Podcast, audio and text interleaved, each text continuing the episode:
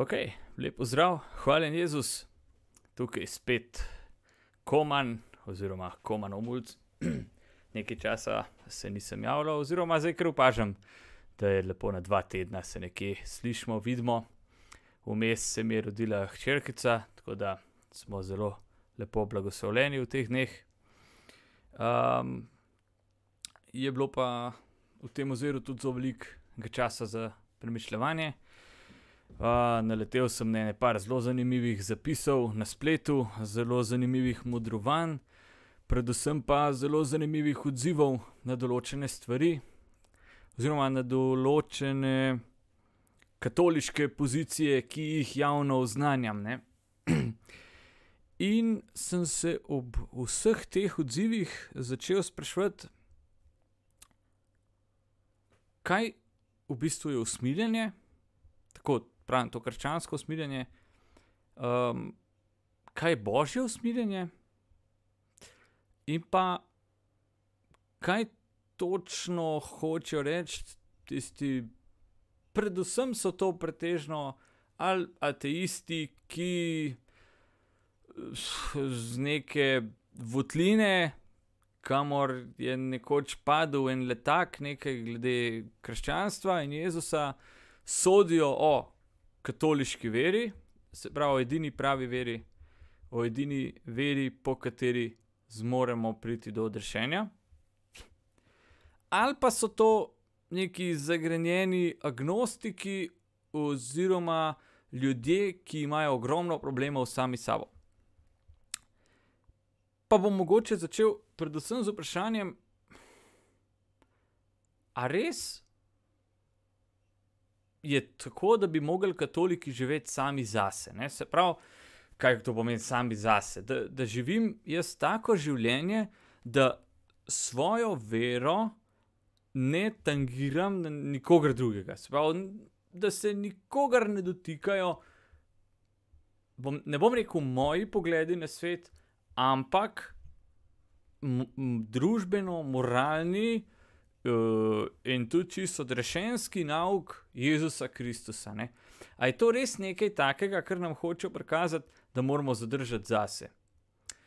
In se mi zdi, da tukaj je odgovor ne. In že zelo zanimivo je, ne? ker sem premišljal o tem in sem gotov, da pravzaprav v samem začetku božjega razodevanja človeku nam, če, če bi bili pozorni kristijani, pa tudi tisti, ki niso kristijani, če bi bili pozorni, ko dajo te kritike, bi videli, da Bog že od samega začetka v bistvu želi, nam narekuje, da skrbimo en za drugega, in je zelo, zelo jezen, ko tega ne delamo. In uh, takrat mi je padel na pamet tale citat iz svetega pisma, iz Mojzesove knjige in sicer je takole: Gospod je rekel Kajnu, kje je tvoj brat Abel? Odvrnil je: Ne vem, sem mar jaz varuh svojega brata. In Gospod je rekel: Kaj si storil? Glas krvi tvojega brata upije iz zemlje k meni. In najbolj pomemben del tega citata iz svetega pisma, iz Stare zaveze, se mi zdi, ne, kako, se, kako se prvi človek, ne, pr, prvi človek po Adamu in Evi, ki se upre Bogu, ki obrne Bogu hrbet, ki nekako hoče še vedno glumiti vernika, ampak zaradi njegovega greha, zaradi njegovega greha, ne zmore biti v polnosti vernik, ker se svojega greha ne kesa, ampak raje laže sebi in Bogu. In zelo pomensko pravi, ne, sem mar jaz varuh svojega brata, ne, prav neumen ga se naredi. Ne. In se mi zdi, da danes ljudje, in tudi predvsem duhovniki, do tja bom še prišel, mnogi katoliki, premnogi katoliki, če lahko bi rekel, kar vsak katolik danes, ki ne jemlje svoje, oziroma ki ne jemlje katoliške vere, Kristusovega nauka, božjega razodevanja, delovanja svetega duha, odrešenja, konca časov, uh, štirih posebnih reči, od katerih bomo tri zagotovo dosegli, pa samo ena je tista, ki se jim moramo skušati izogniti, ki vsega tega ne jemljajo resno, nekako govorijo tako kot kaj, ne spav. Pa kdo sem jaz, da bi mogel za druge skrbeti? Sem, sem mar jaz varuh svojega brata. In to je tako, tako naivna in na nek način, ok, naivna, sebična in pa zelo zlobna pozicija.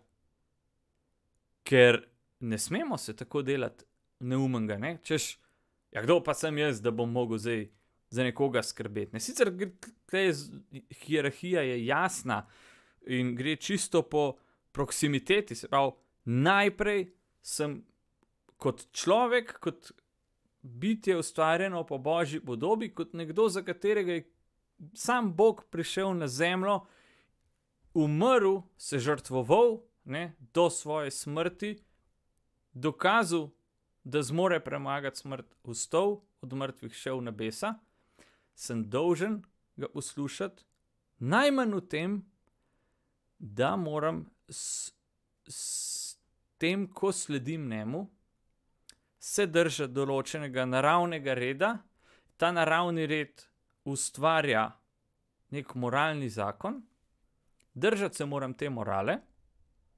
In se pravi morale kot skupka nekih kreposti, ki so osnovane na resnici, resnica je Bog.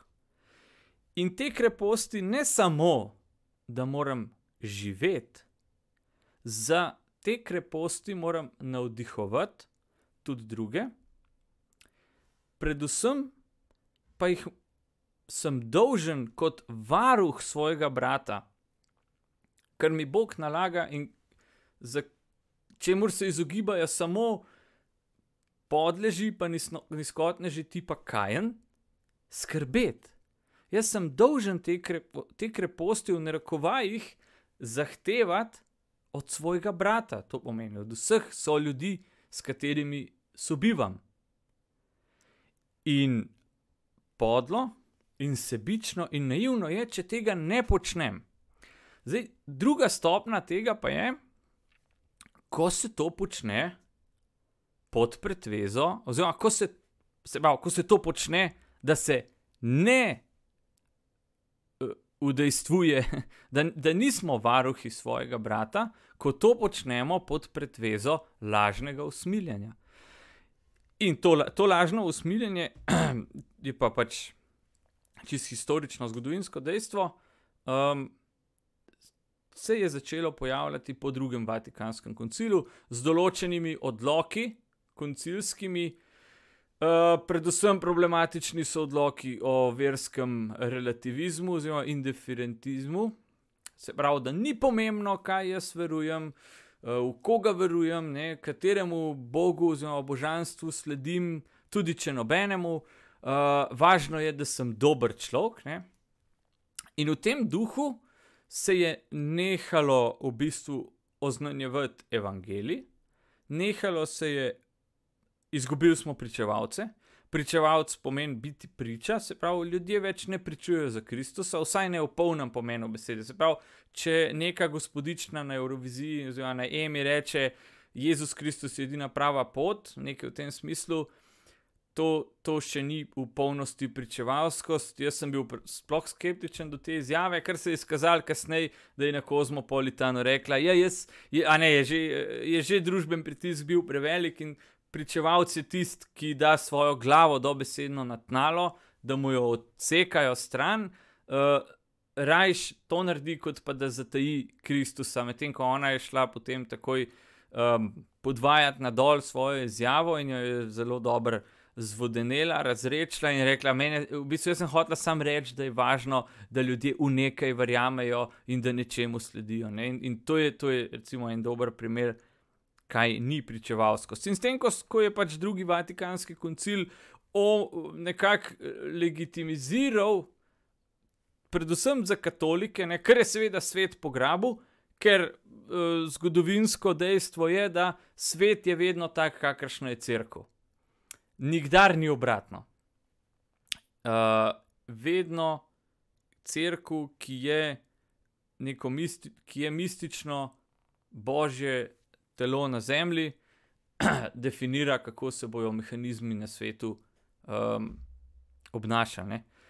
In ko, ko je pač ta plat tega verskega indiferentizma prišel v crkvu, je to butnil potem na ven, in ljudje so nehali govoriti o tem, kaj v bistvu Jezus sploh hoče. Ne? Veliko so govorili o Jezusu, predvsem, ker so se zelo dobro spajdašali z peklenskimi, z demonskimi protestanti in z njihovimi lažmi. In so v tem duhu v bistvu govorili veliko o Jezusu, ne pa o tem, kam nas, po kakšni poti želi, da je Jezus, da hodimo. Ne? In to je nekako s časom, v bistvu, pa bom rekel, zelo hitro pripeljalo do tega, da se je nehal uh, govoriti o katoliškem družbenem nauku. Ker ni bilo več pomemben to, ali si ti katolik, ali si muhamedanc, ali si protestantski heretik, ali si budist. Uh, in ker nič od tega ni bilo pomemben, je bilo treba v bistvu se je povzročila laž, da je uh, vse enako pomembno, ne? in to laž je bilo treba nekako zakamuflirati, in zakamuflirali so tako, da niso več govorili o tem, kaj dela katolika, katolika in tako naprej. Ne? in to je pripeljalo do lažnega usmiljenja. Lažno usmiljenje je pa pripeljalo do tega, da sto tisoči grejo dnevno v peku duše padajo v peku kot snežinke po zim, kadar sneži.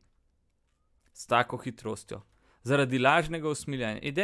Recimo, en takih primerov je blog, na katerega sem uh, naletel, nek kaplan Marko, ne vem kdo to je, ne poznam in mislim, da me tudi ne zanima, glede na to, kar je on napisal.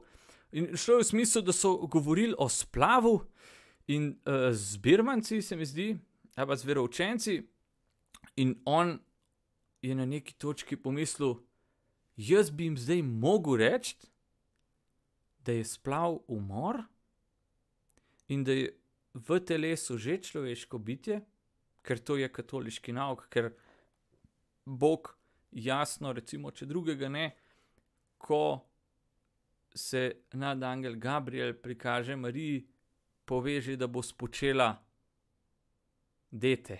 Ne?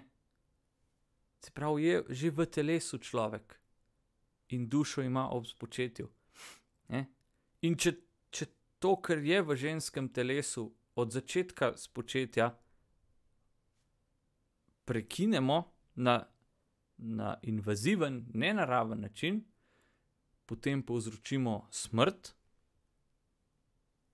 telesa, ki že ima dušo, ker smrt je v bistvu ločitev duše od telesa. In če povzročimo namerno smrt, potem zagrešimo umor. Ne? In, in zdaj, ko plan Marko, predvidevam, da to ve, ker nekako v tej smeri razmišlja, ampak on potem reče: Ne, jaz nočem ustvarjati ovce, jaz hočem ustvarjati razmišljujoče heretike ali nekaj.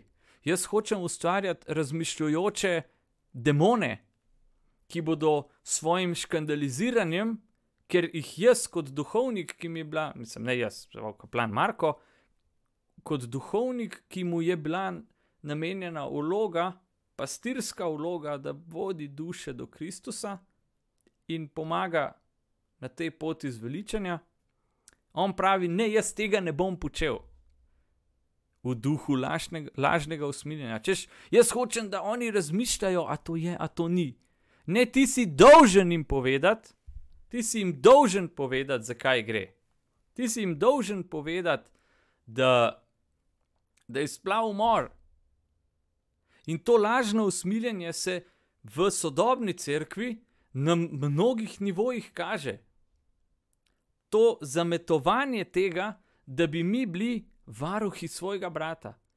Ampak, ker danes ni več vere, niti v katoliški cerkvi, niti med katoliki, ni tudi ene, ene zelo pomembne komponente vere, ki je strah božji. Se pravi, ne ta bo, boječnost pred Bogom, ne, tako kot se nekdo uh, boji pred, pred svojim rablem, ampak um, to spoštovanje, ta ponižnost pred božjo vsemogočnostjo se imenuje strah božji. In tega ni, ker ni vere sploh v Boga, ljudje lažejo, to so lažnivci, ker ne moreš ti verovati v vsemogočnega Boga, ki med drugim zagotavlja, da se bodo zgodile tri od štirih poslednjih reči: smrt, sodba ter peko ali nebesa. In z vero v Boga moramo verovati tudi v te štiri poslednje reči.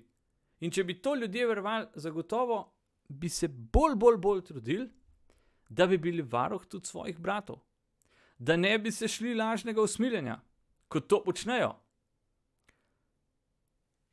Ker pa imajo več spoštovanja do so ljudi, tako se pa tako imenovan human respect, spoštovanja do človeka, kot vere v Boga, bodo tajili Boga, tajili bodo božji nauk, zametovali bodo možnost odrešenja, ker se bodo raj v svojem lažnem usmiljenju, pa svojem, svoji v bistvu lažni ljubezni do sočloveka, ker to ni prava ljubezen, prava ljubezen prihaja od Boga, ne v neposrednem odnosu med dvema, brez božje komponente, ker takoj, ko bi bila božja komponenta, bi človek začel razmišljati o tem, kaj je dolžen do sočloveka. In dolžni smo si resnico, ker Bog je resnica. Sprav, če bi naša vera bila tako močna, da bi prvenstveno zaupali v Boga, v božjo ljubezen, v božje usmiljenje, v božji nauk, bi iz te ljubezni, iz tega spoštovanja, iz te ponižnosti, predvsem mogočnim, tudi do svojega sobrata drugače pristopili. In ne bi se našel nek kaplan Marko, ki svojim birmancem reče: Sami premislite, kaj je splav. Nekaj je, da mene zanima po debati o splavu, kjer jim jaz, ki mi bo, Bog sam naroča in nalaga, in moralni zakon, etika, logosa, mi narekuje, da jim povem, da je splav umor, da je kontracepcija greh, da je spolnost pred poroko izven uh, zakonska spolnost, konkubinat in tako naprej, da je to greh smrten greh, to sem jim dolžen povedati, zaradi tega, ker sem njihov pastir kot duhovni kaplan. In ko tega ne storim, storim tako imenovan greh opustitve in to storim v lažnem usmiljenju in v nekem modernističnem pametovanju, da ne bi ustvaril ovce, ker gre za čist satansko in demonsko, frontalno nasprotovanje temu, kar pravi Gospod Jezus Kristus ki nas večkrat označi za ovce. In namesto da bi človek v ponižnosti pred Bogom sprejel ta naziv in raj premišljal o tem, zakaj nas Bog označi naziva z ov ovcami, se temu upre in gre direkt nasprot tega, kar uči Bog. In prav, ne, jaz nočem, da ste ovce, Čeprav Bog hoče, da smo ovce, ker Bog sem hoče, Bog pravi, da smo ovce. Vsaj v odnosu do njega, ker mu moramo slediti, ker je on naš pastir. In to lažno usmiljenje bo zdaj pripeljalo do tega, da bo obstajala in že obstajajo generacije mladih, pa mojih vrstnikov tudi, ki ne živijo katoliško. In svoje nekatoliško življenje, čeprav imajo določene zakramente, živijo z odobravanjem duhovnikov. In to je pa, to je pa pohujšanje. In tega ne bi smeli dopustiti. In to je ta, to lažno usmiljenje, ki se mu moramo izogibati. Kaj pa je nasprotje tega? Nasprotje lažnega usmiljenja je pa resnica. In tukaj je tisto, s čimer sem jaz prišel, oziroma prihajam redno v konflikt z vsemi ostalimi, recimo, predvsem po spletnih socialnih omrežjih in tako naprej, pa tudi v živo, ker ne šparam, ne šparam z stališči, ki mi jih narekuje vera v trojdinega Boga. Kot katolik sem dolžen poznati vsaj osnove vere, nekaj malega katekizem. Osnove vere pomeni poznati to, kaj Bog, kaj Bog počel v, v zgodovini pred mojim obstojem, recimo, kako se je razodeval, kakšni so bili njegovi nameni. V človečenje, kaj je to pripeljal, um, kaj je Jezus počel. In potem celotno zgodovino krščanstva, od trenutka, ko je logos, ko je beseda postala meso, ustajenje, apostoli, učenci, crkveni učitelji in tako naprej. Vse to moram poznati in moram biti v svoji veri, veri trden, predvsem pa ne smem biti mlačen. In lažno usmiljenje je v bistvu ena taka mlačnost. Recimo, ko rečeš nekomu, ki je crkveno bil poročen, in se je zaradi morda neke žalostne, morda neke banalne situacije razšel, ostal poročen, ker kar je zavezano na zemlji, je zavezano tudi v nebesih, in dokler se to na ustrezne načine, če pač je tako, ne razveže, ostane zavezano. In ta oseba potem ali živi promiskuitetno življenje, se mu čisto trga, začne eh, okrog uh, imeti druge spolne partnerje in tako naprej. In že na ta način zametuje svojo primarno družino, se pravi svojega zakonca, ženo, moža, otroke in tako naprej, ali pa si ustvari eno drugo življenje. In to je greh, to je smrten greh. Uh, in če pa recimo to počne javna oseba, je pa to še škandal. Škandal pomeni, da nekdo, ki ima sicer en ugleden, ali ugleden, ali pa javno znan status katolika, vernika, nekoga, ki je na neki točki se deklariral za osebo, ki živi po Kristusu in ga ljudje spremljajo in ga radi vidijo. Sedaj pa živi popolnoma v nasprotju s tem, kar Kristus uči, pohujšuje, se pravi, škandalizira, je, je v spotiko. Z, problem je, da s svojim slabim zgledom ljudi, na mesto, da bi kot varuh svojega brata skušal na vsak način voditi po poti kreposti, ki so osnovane na moralnem zakonu, moralnih zakonih, božjih zakonih, pravi, sem mar varuh svojega brata. Vsak mora zase poskrbeti individualizem. Ampak tega nikdar ni bilo. In to je narobe, to je lažno usmerjanje. Resnica je, oziroma zgled resnice in nasprotje lažnega usmerjanja, ko jaz tej osebi to povem. Zakaj? Zaradi tega, ker sem in želim biti in vem, da mi Bog to narekuje, biti varuh svojega brata. Najprej, seveda, to počnem, v, kot sem rekel, proximitete, sploh najprej to udejstvujem v svojem družinskem krogu, svojo ženo, svojimi otroki, starši, starimi starši, eh, ljud, predvsem z ljudmi, ki tudi živijo blizu, svojimi sosedi v svoji skupnosti, jih skušam na tak ali pa drugačen način spodbujati z hojo za Kristusom, za krepostno življenje, tudi z gledom, predvsem z gledom. Ne? Ni treba, oziroma če se da, se izogibamo besed, dajmo živeti tako, kot Bog zahteva od nas, ker potem besede sploh potrebne ne bojo. Zakaj bi se ustvaril nek, nek konflikt, uh, če, če nekdo ne bi živel uh, življenje izven zakonske skupnosti, pa se deklariral za kristjana. Če bi oseba, ki tako živi, vse delala tako, kot od nas pričakuje Bog, potem konflikta ne bi bilo. In ker pa se ustvari konflikt, se ustvari zaradi škandala. Katoliki pa smo dolžni popravljati škandal, ker smo varuhi svojega brata. In recimo, če jaz, dolžni smo uznanja, da je splav umor. In ne smemo se odzirati na, ta, na to tako imenovano človeško spoštovanje.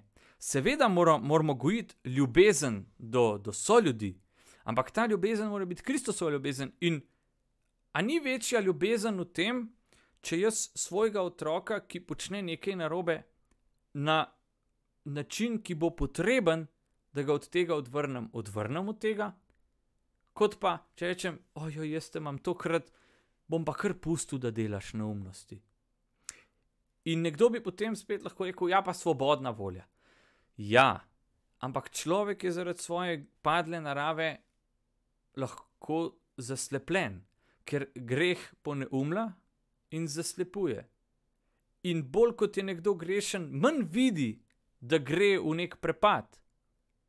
In Bog pozna našo človeško naravo, ker nas je ustvaril in ve, da, to, da greh povzroča take stvari, in zato pošilja tudi nas, da živimo čim bliže njemu, da živimo čim bolj zgledno katoliško življenje, da veliko molimo, da, da, da premišljujemo, se pravi, mentalna molitev, ne samo, da niso to samo obrazci, ki morajo biti, ampak da obrazcem, sprav, recimo rožnemu vencu, večerni molitvi in drugim molitvam, sledi tudi, eh, eh, se pravi, tako ima duševna, mentalna molitev, ko se pa v eni tihoti pogovarjam z Bogom, da temu sledi tudi, da sem jaz tako blizu Gospodu in da potem zmorem pristopiti k Hubhilu in tako naprej, da sem zmožen tudi presojanja tega, kaj Bog narekuje. In ko to presojam, poskušam tako živeti, se pravi, živim, skušam res čim bolj absolutno živeti tako, kot Bog od mene pričakuje, ker vem, da je to prav, da to vodi v nebesa in da to navdihuje. In ko to počnem, tudi zmorem govoriti o tem, ampak to moram govoriti ne glede na to, a bo tisti, kateremu so te besede namenjene, zdaj zaradi tega vesel, a bo srečen, a bo užaljen, a bo prizadet. Moram za, v katolištvu moram dati čustva na stran. Pomembna, pomembni sta vera najprej in potem razum. In v duhu vere moram jaz svoje brate in sestre nagovarjati, upominjati, spodbujati, ne pa se id lažno usmiljenje, ki temelji na tem, da nekomu, ker ga imam rad, ne povem, da bo da, da sprinta v peku, ne da hod, ne da gre počasi, da, da ima vmes še deset kavic, pa da bo šel še dvakrat na plažo ležati, ampak vse gre počasi pod peklo. Ne. Ljudje, ki živijo izr, izredno grešna življenja in to, to zmoremo in smemo presojati, ker jasno vemo, da so glavni grehi so čisto meseni grehi, vemo, katerih je sedem glavnih grehov. In če nekdo živi tako, in, in če ga imamo radi, se ne bomo šli lažnega usmiljenja, pa ga v tem podpirali, niti ne bomo molčali o tem, ker to je spet greh opustitve, ampak mu bomo rekli: Alo, to ni v redu, kar delaš in bomo tudi učili svoje otroke, in bomo učili tudi mlade v svojih skupnostih, bomo drug drugega k temu spodbujali, bomo svoje vrstnike opozarjali na to. Hej, ni v redu, da tako živita. Še posebej ne, ker vem, da sta kristjana, ker vem, da na neki točki življenja sta pa želela biti blizu Bogu. Ampak zdaj sta deleč In dlje, ker bosta tako živela, zakaj se ne poročite, zakaj ne sklenete svetega zakona, zakaj ne pustite, da med vaju zopet pride Bog. Ker s tem, ko si bosta podelila zakrament svetega zakona, bosta preprosto odprla vrata za Boga v vajni zvezi, ki bo postala sveti zakon. In zakaj nista odprta za otroke? A pa če sta odprta, zakaj sta dopustila, da se to ustvarjanje novega življenja umakne stran od božje prisotnosti, čeprav po božjem usmiljenju je pa on vseeno lahko tam prisoten. Ampak ne smemo se na to zanašati, ker to je pa greh predpostavljanja, da jaz rečem, ma sej, sej Bog je usmiljen, sej tudi če bom jaz grešil, pa tudi če vem, da, da je to dejanje greh, ma sej Bog je usmiljen, bo spregledal. Ja, Bog je tudi pravičen. In tega se ne zavedamo. In ravno zato smo mi varuhi svojega brata, ker lahko je naš brat že tako globoko v nečem, da popolnoma nič več ne vidi, da je popolnoma zaslepljen od greha, jaz sem pa tih, pa ga v tem podpiram. Ali pa ga celo dejansko v tem podpiram, ne svojo tišino, svojim mokom, pa ga bo še ploskam. In ko se najdejo na, javni, na spletnih omrežjih javno ljudje, ki, ki se imajo tudi za kristjane in ploskajo kristjanom, ki javno živijo v grehu, je to katastrofa. In ko se ne najde niti en duhovnik, niti en duhovnik, škof, kaj še reš škof, ki bi ustavil to norijo, ki bi rekel: Stop! To ni krščansko, to, kar vi počnete, ni krščansko, to ni ljubezen, to ni usmiljenje, to je zlo, to je podlo, to je nizkotno, to je, to je hinavsko, to je sebično. Ploskate drug drugemu v grehu, zato da se dobro počutite, pa ste neumni, ste nori čist. To ne gre v nebesa, to gre v peku. In kakšna je ta vaša ljubezen, če s tem, ko mislite, da nekomu delate dobro, ga pelete v pekel. Je to ljubezen? Ni ljubezen to, da želimo drug drugemu, da gre v pekel.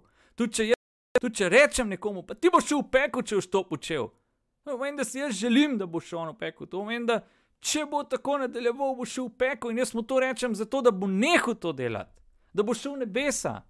Ker si jaz, jaz si želim v nebesa in želim tudi tebe tam videti. In zato svoje otroke vzgajam v v resni, v lepi katoliški veri in v ljubezni do Jezusa Kristusa, do trojdinga Boga. Ker želim, da če bo taka božja volja in da ko nekega dne umrem, ko se moja duša loči od tega zapuščenega, debelega, mlahovega telesa, gre v nebesa, k Bogu. In ko mene ne bo na zemlji, da bi bil tam za svoje otroke, pa za svoje potomce, za svoje vnuke, da bi jim že prej dal to, kar mi Bog nalaga kot njihov varuh, da bodo po, svoji smrti tudi oni prišli k meni v nebesa, k meni, skupaj z mano tja. In da bomo o poslednji sodbi drug z drugim. In to je pravo usmiljenje, ki smo ga dolžni mi, kristijani, živeti. To je pravo usmiljenje. Ne glede če nekdo ob prvem našem opozarjanju reagira tako, da je zaprepaden, mogoče celo užaljen. Ne? In tukaj je tudi naša dolžnost nagovarjati svoje sobrate, da malo premislijo, na kakšen način darujejo Bogu sveto daritev. Na kakšen način se udeležujejo svete daritve. Tudi to je pomembno. Ker je pomembno, pa ne samo za moje brate v veri, ampak za vse ljudi na tem svetu. In to je tista prava vera, ki je tudi pričevalska.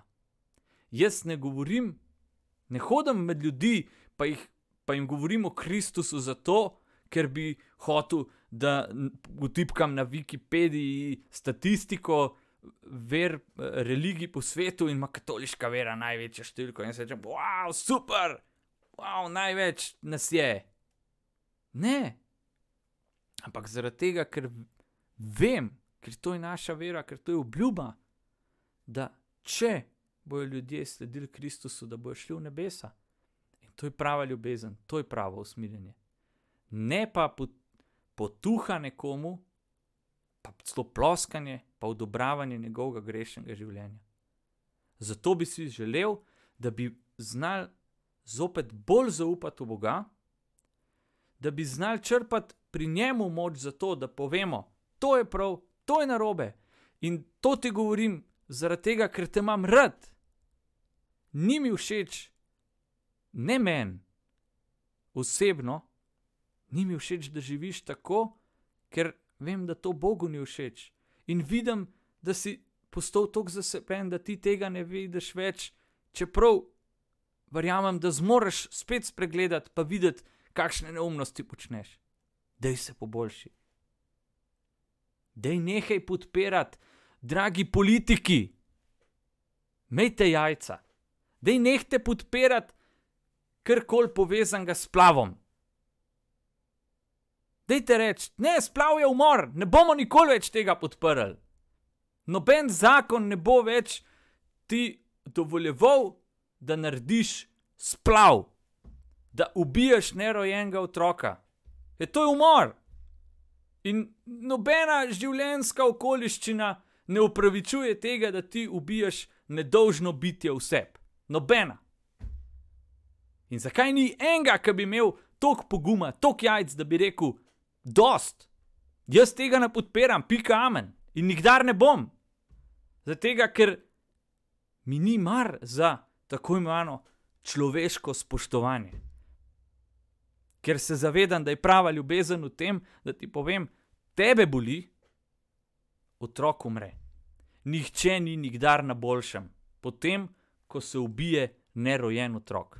Nihče nikdar. In to je samo ena od stvari. In če dobro pomislimo, koliko stvari, recimo, če si katolik in to gledaš, koliko stvari dopuščaš, pa veš, da so napačne, koliko stvari toleriraš, pa veš, da so napačne. In če nisi katolik, nam je dana vest, po kateri se tudi Bog razodeva tistim, ki ne, ne izpričujejo vere van. In ta vest ti zagotovo da vedeti, kaj je prav, pa kaj je narobe. In če ne živiš po tem občutku, naravnem za moralo, za to, kar Bog daje v stvarstvo, da je prav in kar ni prav, in če veš za te stvari, pa jih ne skušaš popravljati, si kot kajen, si kot prvi morilec v zgodovini človeštva, ki je Bogu rekel: Sem mr, jaz varuh svojega brata in Bog se razjezi. Bog, Bog se blazno razjezi.